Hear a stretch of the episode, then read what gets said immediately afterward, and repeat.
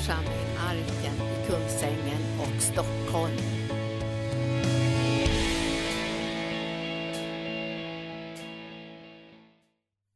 Då ska vi börja tala idag om den här längtan ifrån Habakuk. Och varje gång jag kommer till Habakuk så börjar jag nästan le, för då kommer jag ihåg min syster som vi tvångsfrälste. Hon hette, jag ska inte säga hennes namn för hon var jättesur på oss. Alltså vi fick för oss, jag och våra kompisar, att Jesus skulle komma tillbaka dagen därpå. Alltså vi fick en så här överandlig ångest. Så vi tvingade ner henne på knäna. Och vi sa, nu går du bara ner på knäna för du ska med.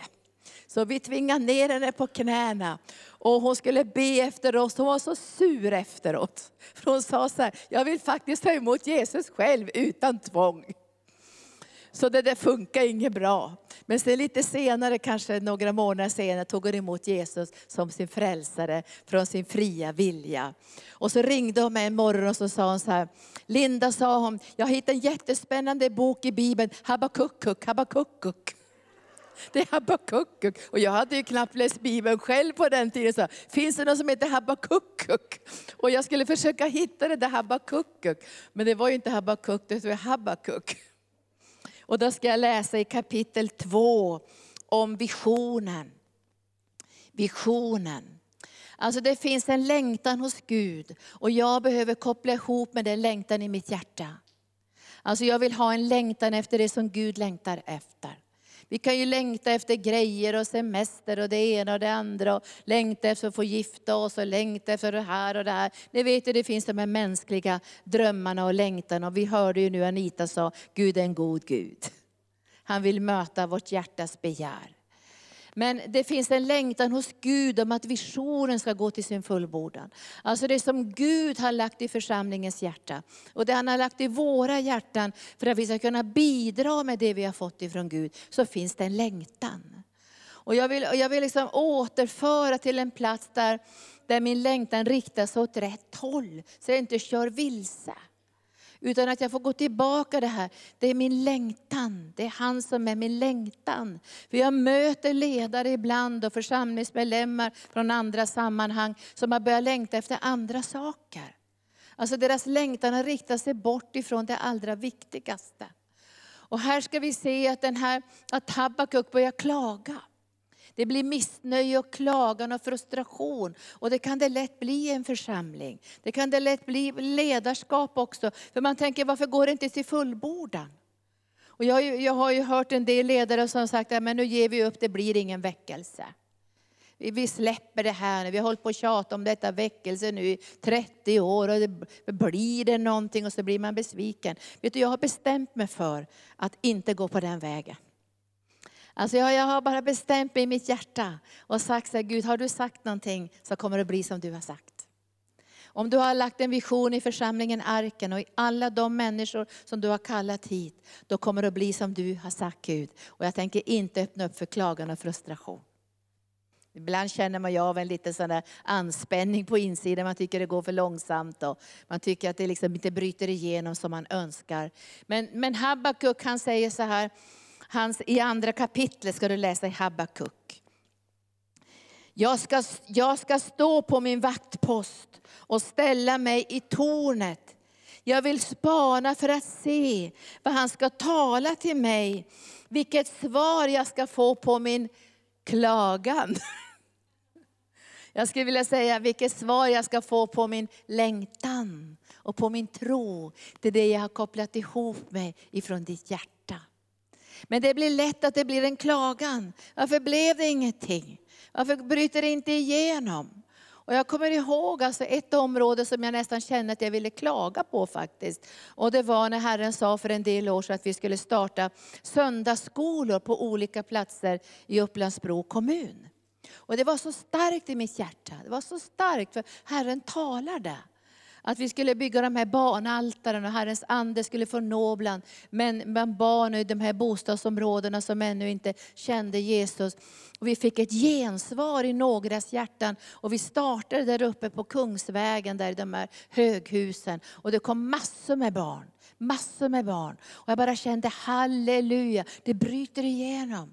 Men jag vet också att fort man har fått någonting från himlen, då börjar attackerna. Och jag har själv skrivit en bok som handlar om Nehemja.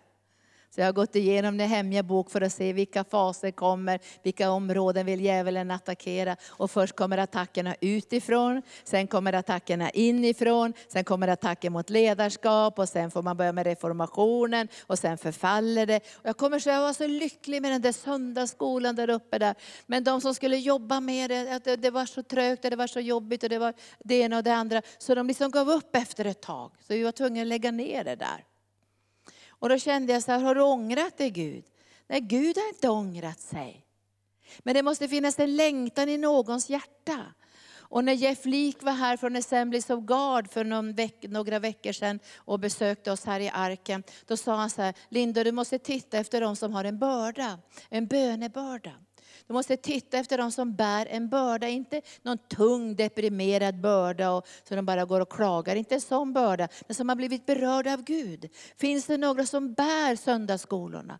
Finns det någon som bär barnarbetet? Finns det någon som bär den här bördan på ett sådant sätt att de kan bedja igenom och bana väg för att det som Gud har sagt ska kunna gå till sin fullbordan. Så att man inte bara släpper taget om det när man tycker det blir lite jobbigt. och Det tar emot, och det blir kämpigt och sådär. Och då kommer man upp på det där berget och så börjar man klaga. Vad ska det bli med det här? Det blir ju ingenting. Och nu ska vi se vad Gud svarar honom. Han svarar inte på hans klagan, han svarar med visionen. Och det här tycker jag är så härligt. Alltså, Gud svarar inte på vår klagan, han bara beskriver visionen och säger, det här är mina tankar. Det här är vad jag tänker. Och, och, så att han vill förnya den här visionen, så den här längtan kommer tillbaka i våra hjärtan. Och ibland tappar vi den här längtan. Alltså vi tycker det dröjer för länge, eller det blir inte som vi har önskat. Och så öppnar vi upp för knot och knorr och så öppnar vi upp för andra krafter och makter. Och jag tycker det är tragiskt att läsa ökenvandringen. Jag vill helst bara hoppa över den. För jag tror inte det skulle ta så här många år för Israels folk att vandra genom den där öken och knota och knorra. Utan jag tror det skulle högst ta 40 dagar. Och 40 nätter eller kanske 14 dagar. Men det var inte Guds vilja. Men det underbara är att Gud gav inte upp och sa så nu släpper vi visionen. Vi går tillbaka till Egypten, vi tar köttgrytorna. Utan Gud höll fast vid visionen. Ni ska in i landet. Därför är det ett löfte som jag har gett till er. Och vision är ju alltid kopplad till löften som kommer ifrån Guds hjärta. Och i de löftena ska Gud lägga en längtan och inte en klagan. För det är jättejobbigt när barn klagar. Där det måste dröja innan de får liksom sakerna. så går de och klagar och gnäller och knotar och manipulerar. Det är inte bra. Det måste finnas en längtan. Så, så, att det, så att det blir jobbigt för föräldrarna när det blir en klagan och ett knot och problem under vägen. Då blir det inte ens roligt när man får den där presenten eller den där gåvan. Eller vad säger ni? Har ni varit med om det? Har ni haft era barn i leksaksaffären? Man skriker hela vägen ut. Och jag sa till Hanna, nu är det slut med det. Ska aldrig få någonting när de knotar i leksaksaffären. Ska inte få en russin. Utan de ska, få, de ska få det när de börjar få en längtan och god anda i sina hjärtan. Halleluja! Vad säger ni om det? Klarar vi av det? Men Gud klarar av det. Och nu svarar, nu svarar Gud så här. Herren svarade mig och sa, skriv ner synen och gör den tydlig på tavlor så, du, så den lätt kan läsas. Skriv ner visionen. Nu skriver inte visionen på massa stentavlor även om vi har, sätter upp bilder och sådär och texter. Vi skriver i vårt hjärta, eller hur? Vi skriver i vårt hjärta och vi skriver det på ett sådant sätt så det individuella kan koppla ihop med det kollektiva.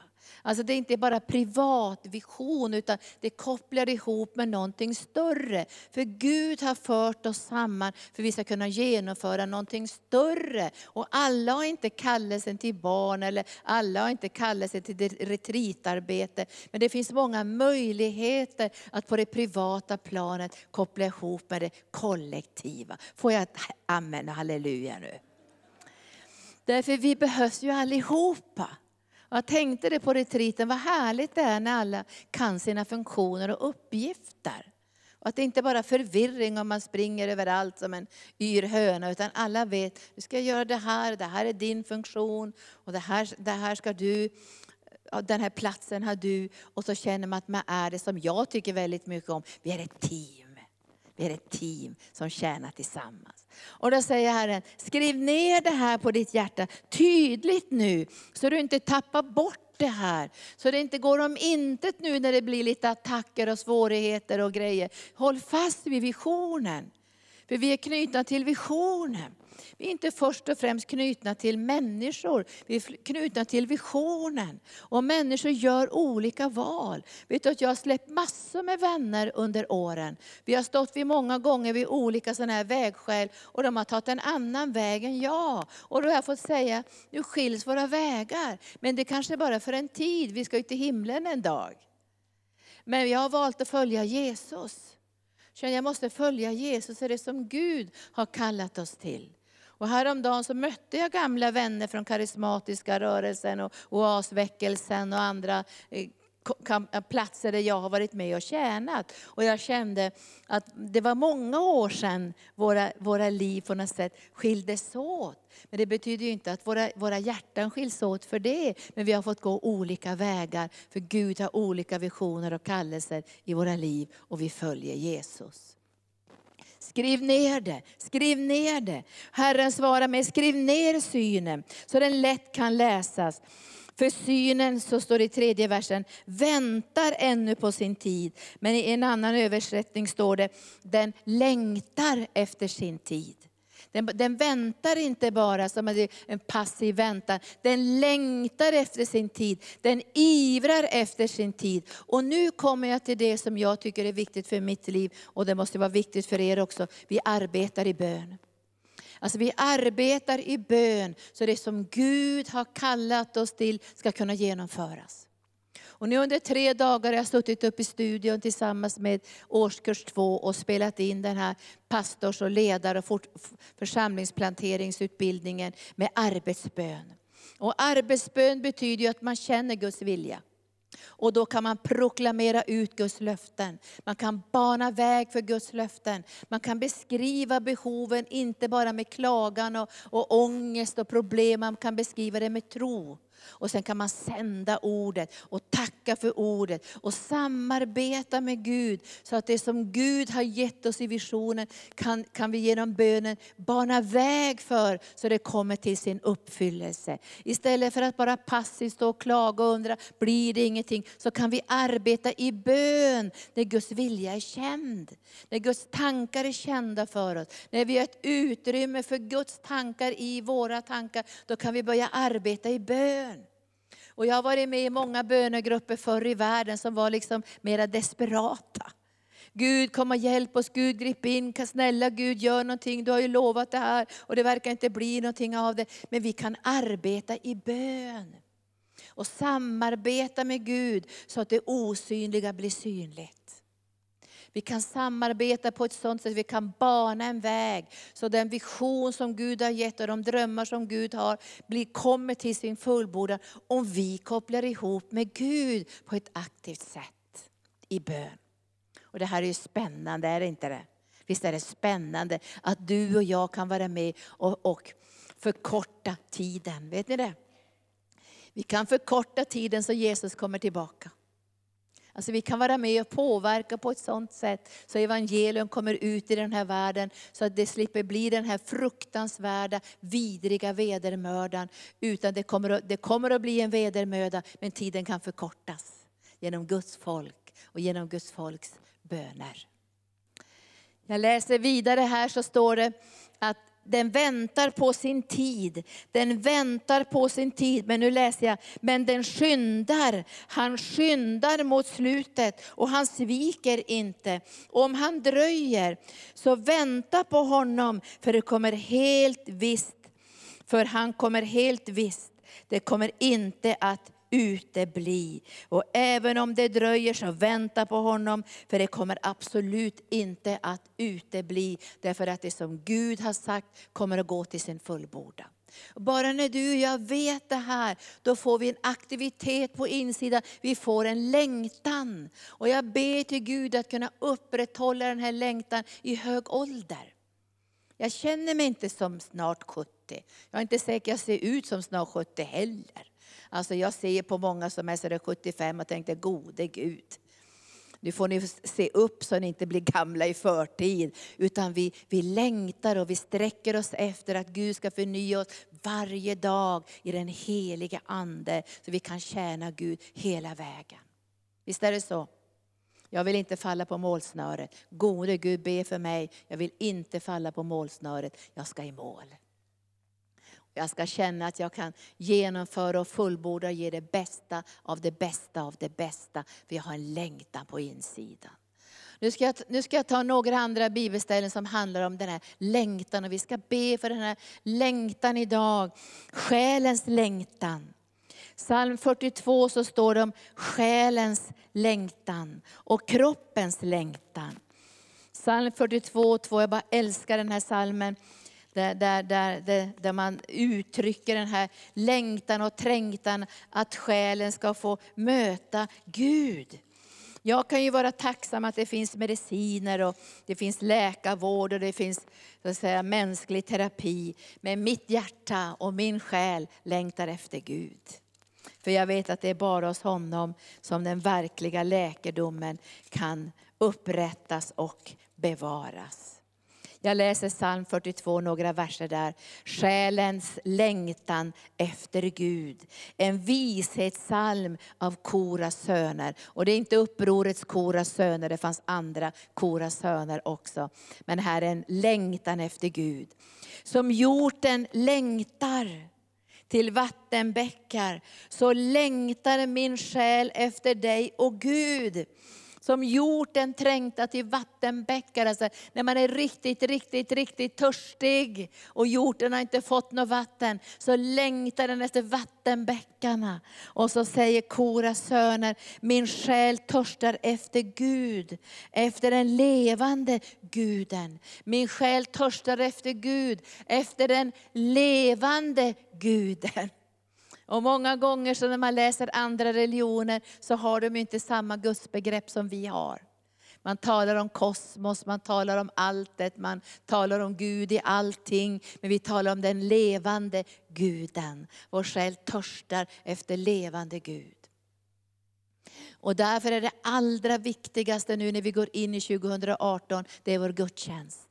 Det är där vi kommer samman, det är där vi törstar, det är där vi uttrycker vår längtan. Det är där vi sträcker våra händer, det är där vi ligger på våra knän. Därför vi kan inte göra någonting utan vårt beroende av Gud, precis som Anita sa. Och många gånger tänker man ju på beroende när vi är i andra länder. När kriget är på väg, jag kommer ihåg i Kambodja, jag kommer ihåg Anita och Janne i Kambodja när vi slog på CNN och så sa de att kriget är på väg i Kambodja och vi väntade att det skulle skjuta utanför fönstret när som helst, för tanksen var på gatan. Vi hann knappt ut ur landet. Men då fick vi säga så här, det är Herren som är vårt sköld. Det är Herren som är vårt beskärm. Och det är Gud som har kallat oss till Kambodja. Och därför litar vi på Guds beskydd. Guds omsorg om våra liv. Vår själ längtar och trängtar efter Gud som är trängtar efter vattenbäckar. Men det är också vår kropp som längtar efter Gud. Alltså att få helande genom Jesus Kristus. Så vår kropp längtar. Och vi får ibland säga till vår kropp, du ska längta efter Gud och du ska längta efter Herrens närvaro för kroppslig hälsa och vederkvickelse. Säg till din kropp och längta efter Gud. Därför om din kropp inte längtar efter Gud så får du ingen vederkvickelse. Och jag tror vi åldras i förväg, förtid. Vi ska, vi ska be Gud, min kropp ska längta efter dig. För det är bara du som kan vederkvicka min kropp och förnya min kropp och ge mig nya celler. Igår när jag kom hem jättesent, jag var jag var jätte, jättetrött när jag kom hem. Och jag hade kört vilse nästan i Stockholm. Jag tänkte, gode Gud, den där GPS-tanten, jag var så sur på henne. Men så kom jag på att det var nog jag som hade kört fel. För jag skulle långt ut i Tjotahejti där i Stockholm. Och jag körde fel. Jag kom till Söder och jag kom till Globen och jag kom tillbaka in i stan. Och tänkte, nej men den här tanten måste ha blivit snurrig, tänkte jag. Men det var nog jag som hade kört fel. Och hon omdirigerade mig hela tiden. Men jag kom fram till sist. Och då tänkte jag, tack Jesus, den heliga Ande kan omdirigera oss. Och ibland undrar man, var är jag på väg någonstans? Det här är ju snurrigt. Och så omdirigerar den heliga Ande och så tänker man, kommer jag någonsin att komma fram? Och så kommer jag fram till sist. Tack Jesus för den helige Ande. Men min själ och min kropp, nu läser jag om kroppens längtan. Be nu under julen att din kropp ska längta efter Gud. Visst kan vi, vi behöver också vila och allt det här andra. Men min kropp måste längta efter Gud. För jag vet att om inte min kropp längtar efter Gud så kommer jag vakna sliten kommer att vakna jättetrött och känna att jag orkar inte med det här. Men jag säger min kropp ska längta. Jag säger kropp längta efter Gud, Kropp längtar efter Gud. Du ska dricka från hans närvaro. Psalm 63. Tycker om den här. Det här är en psalm av David när han var i Juda öken. Gud, du är min Gud, tidigt söker jag dig. Min själ törstar efter dig, min kropp längtar efter dig i ett torrt och törstigt land utan vatten natten så söker jag dig i helgedomen för att se din makt och härlighet. Din nåd är bättre än liv. Därför ska mina läppar prisa dig. Jag ska lova dig så länge jag lever. I ditt namn ska jag lyfta mina händer. Min själ blir mättad som av feta rätter rätter. Med jublande läppar lovsjunger jag med min mun när jag minns på min bädd och tänker på dig under nattens timmar. För du är min hjälp. Under dina vingars skugga jublar jag. Min själ håller sig tätt in till dig. Din högra hand stödjer mig. Min kropp ska längta efter Gud. Och det är någonting som man kan be att den helige Ande ska lägga, den här längtan. Och sen säger nästa psaltarpsalm som jag ska läsa, det är psalm 84 och 3. Och det här, den här salmen är så otroligt vacker så det har nästan blivit min älsklingssalm. Den här, den här salmen om, om att älska Herrens boning.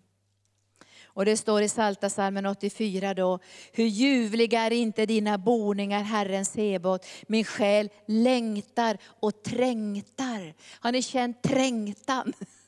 Alltså längtan och trängtan, man står inte ut om man inte får komma till Herrens boning. Och det är det som vi ska be för 2018.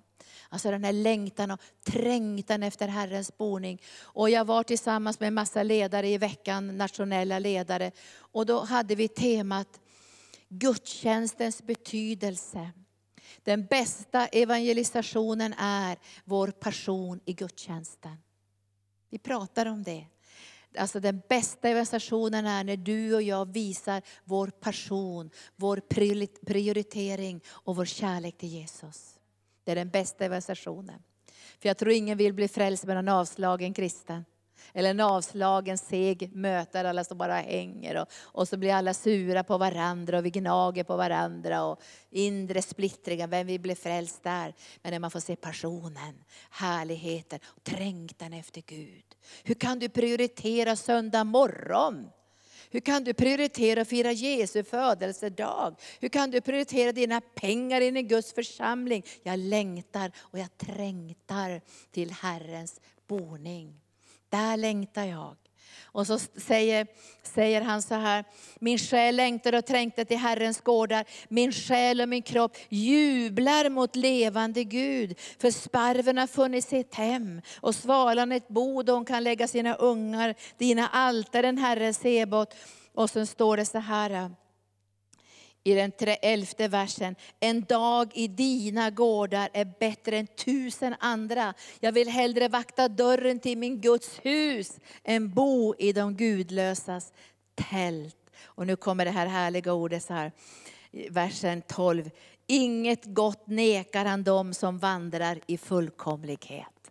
Och då kan man bli lite deppad och tänka, jag vandrar inte i fullkomlighet, jag misslyckas på många områden. Men jag har Jesus i mitt hjärta, därför vandrar jag i fullkomlighet inför Gud. Visst är det bra det? Därför när du har Jesus så vandrar du i fullkomlighet. Du är iklädd Jesus och det finns ingen fördömelse och ingen skam. Utan Gud kommer inte neka dig någonting gott. Och när du får mycket, mycket gott så blir det för mycket. Det blir för mycket. När Hanna flyttade nu utomlands så var det massor med saker som ville lämna i Sverige. Och jag sa så här, ta det till Arken second hand shop. Fyll källan med grejer.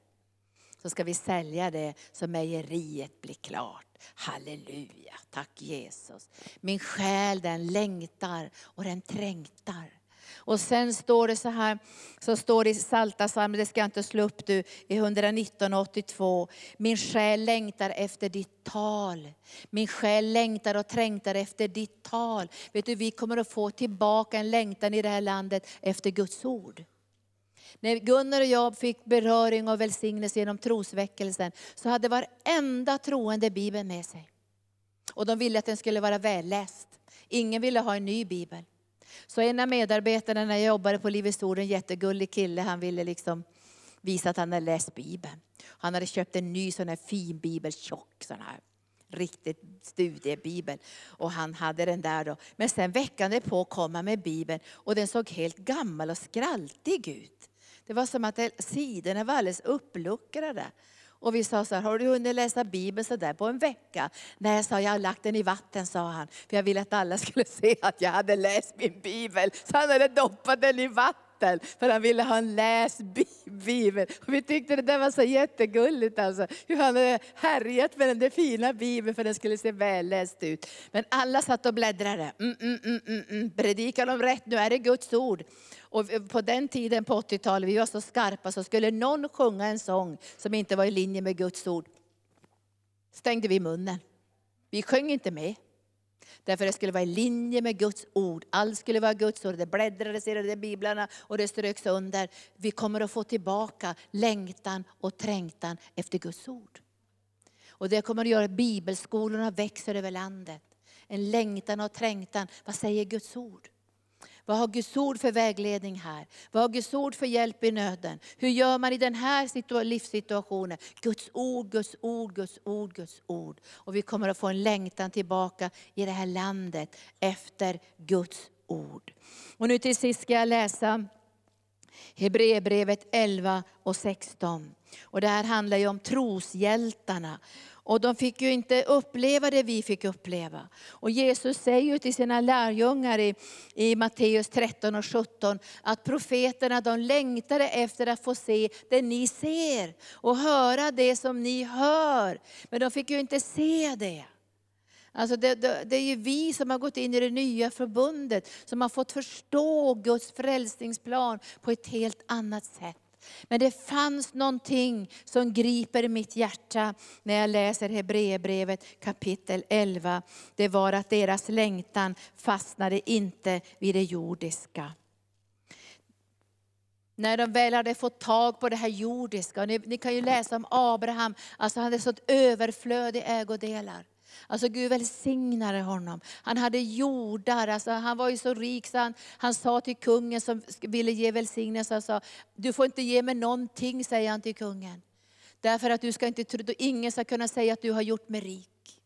Han bar fram vin och bröd till, till Melkesedek, präst av evig tid. Och Gud välsignade honom med sån otrolig välsignelse. De här patriarkerna var så välsignade på livets alla områden. Men det fanns någonting i deras hjärtan. De såg, var det bara det här?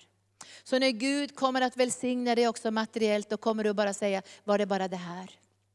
Kommer ni ihåg när Salomo Fick, eh, ni har läst kanske predikaren. Han hade ju tusentals kvinnor. Han hade de mest fantastiska slott och palats och allt vad han hade. Han hade kläder så att man bara blev avundsjuk. Alltså, han hade ju sånt otroligt överflöd. Och så skriver han i predikaren, allt där är bara jagande efter vind.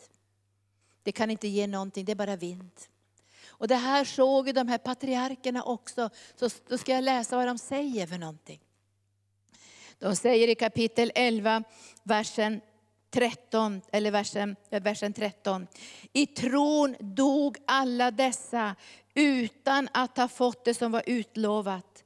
Men de hade sett det i fjärran och hälsat det och bekänt sig vara gäster och främlingar på jorden. De hade sett det i fjärran och de hade hälsat på det. För det fanns ju profetord där man hälsade på morgonstjärnan. Ni vet, det fanns ju profetord, jag ser morgonstjärnan, men inte än. De hade hälsat på det, för de visste att någonting skulle komma. Och jag tror deras bön var att vi skulle kunna ta emot det här från himlen och tillsammans med dem bana vägen mot himlen. Och så säger de så här, men, men de hade sett det i fjärran och hälsat på det och bekänt sig vara gäster och främlingar på jorden. Sätt inte ner dina tältpålar för djupt i det här materiella, utan sätt ut dina tältpålar i Guds vision och Guds drömmar för att föra ut evangelium. Och då säger de så här, de, de som säger det som säger så visar att de söker ett hemland. De som säger så, de söker ett hemland. Och när vi var i Israel så kände vi bara, det här, det är inte det här som vi väntar på. Vi väntar på det himmelska Jerusalem. Någonting helt annat, någonting ännu större, någonting ännu vackrare. De, de sökte efter ett hemland. Jag läser vidare. Hade de tänkt på det land som de hade lämnat, då hade de haft tillfälle att vända tillbaka till det. Men nu längtade de till ett bättre land, det himmelska. Därför skäms inte Gud för att, kalla det, att kallas deras Gud, för han är berett en stad åt dem. En stad av en annan sort. Ett rike av ett annat rike, ett hemland av ett annat hemland. Det här vänner måste vi ha i våra hjärtan. Annars fastnar vi i den här världen på ett felaktigt sätt. Vi blir bara jordiska, begränsade, avslagna och, och, och vi blir bara klagande. Liksom. Men vi behöver få den här längtan i våra hjärtan. För mycket av den, den lön som du ska få är på andra sidan, förstår du. För det står i Lukas evangelium 14 att om du bjuder hem de fattiga och svaga och de sjuka på dina måltider, alltså de andliga måltiderna, då ska du få din lön. När då? De rättfärdigas uppståndelse. Så mycket av det som är Guds belöning i ditt liv, det ligger på andra sidan. Och därför behöver inte du och jag tänka så här, och vi vill ha all berömmelse för den här världen och vi vill bli ut, eh, jag vill, bli, jag vill komma in på, på, kanal, på någon tv-kanal som Sveriges hjälte eller något sånt där. Eller jag har blåst i basun så jag har blivit alldeles blå i ansiktet. Men Bibeln säger, blås inte i basun för er. Bete er inte som den här världen. För mycket av det som är på vägen i våra liv, det ligger på andra sidan. Och därför ska vi hälsa på den här världen. Vi ska inte längta efter att dö och komma till himlen och dö i förtid. Men vi ska hälsa på den här världen. Vi ska se den i fjärran, vi ska hälsa på den och vi ska bekänna oss till Gud och till varandra. Vi är faktiskt gäster och främlingar i den här världen, därför har vi andra prioriteringar. Visst är det vackert det här? De hälsade det här. De såg det där framme. Och när man läser vidare om deras uppoffringar så känner jag, jag har inte varit i närheten av alla dessa uppoffringar jag tänkte jag ska läsa bara ifrån 32 versen och sen ska vi bedja. Vad ska jag säga om det här? När, när författaren till Hebreerbrevet läser upp alla hjältarna. Och jag önskar att du och jag kanske, kanske, kanske får vara med i den här nya boken av hjältar. Nya testamentets hjältar. Tänk om vi får vara med i en hjälteförsamling. Och så står det hjälteförsamlingen, församlingen Arken. Och, och, så får vi vara med där vid ska säga, prisutdelningen och belöningen för ett genomfört lopp. Herren säger här då genom författaren, vad ska jag mera säga? Tiden räcker inte till för att berätta om Gideon, Barak, Simson och Jefta, om David och Samuel och profeterna. Genom tron besegrade de kungariken. De skipade rätt, fick löften uppfyllda stängde lejons gap, släckte rasande eld och undkom svärdets ägg. De var svaga men fick kraft. De blev starka i strid och de drev främmande härar på flykten. Kvinnor fick sina döda tillbaka genom uppståndelse. Andra blev torterade men accepterade ingen befrielse för de ville nå till en bättre uppståndelse. Andra fick utstå hån och piskrapp, ja även bojor och fängelse.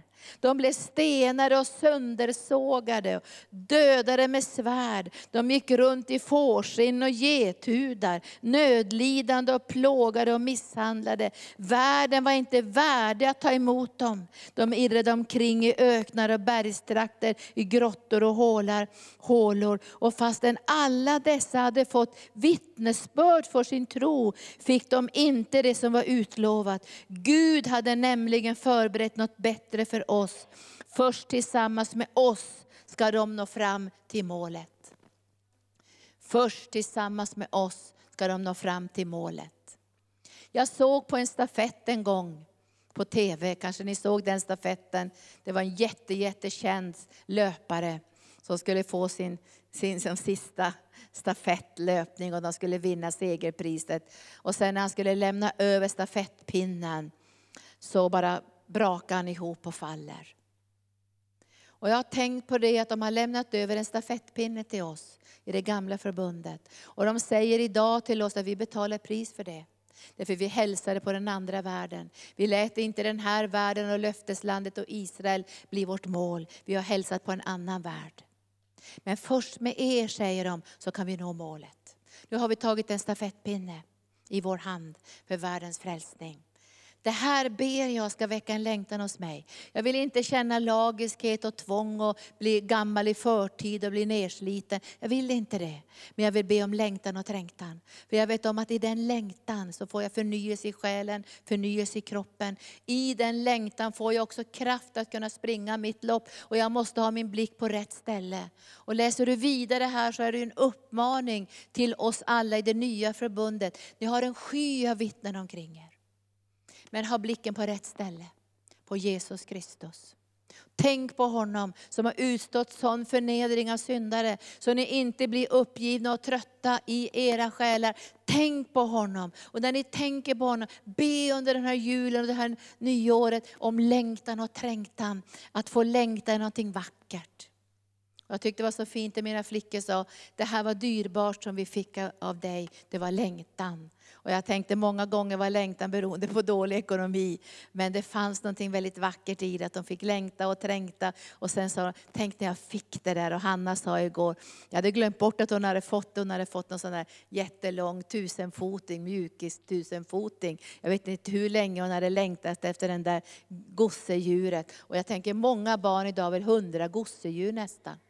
Det finns ingen längtan kvar i barnen och ungdomarnas hjärtan. Och vi ska be att vi ska få se den här längtan i ungdomarnas hjärta, barnens hjärta. En längtan efter Gud. Inte efter tv-spel och pengar och resor i första hand och snygga märkeskläder. En längtan efter Gud. Visst vill vi det?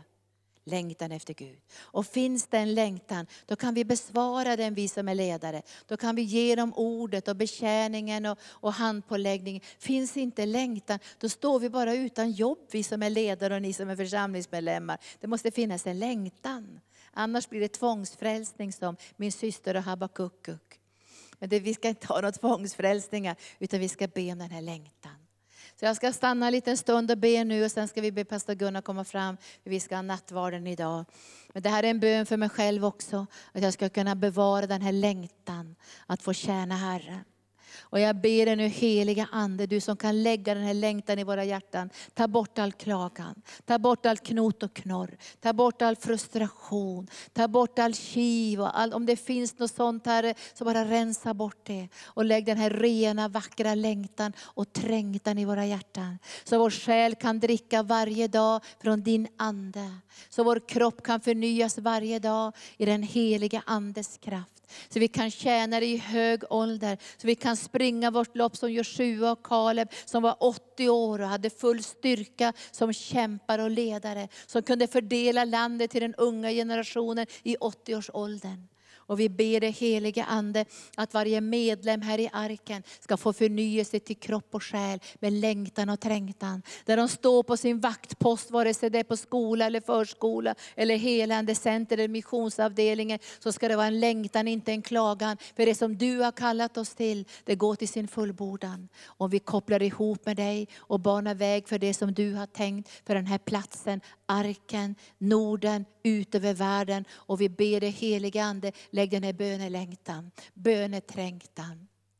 Skriv in i våra hjärtan. Så när djävulen säger att om en liten räv hoppar på muren så blir det ingenting. När djävulen kommer med dödsattacker och mörkrets makter slår mot församlingen, då kan, han, då kan vi stå emot honom i namnet Jesus. När det blir en inre splittring och kiv och bråk på insidan, då kan vi stå honom emot. För vi har en längtan och trängtan som är större än våra egna önskningar för vårt eget liv. För vår önskan är att du Herre ska få dina planer att gå till fullbordan. Det är vår önskan och därför böjer vi våra knän.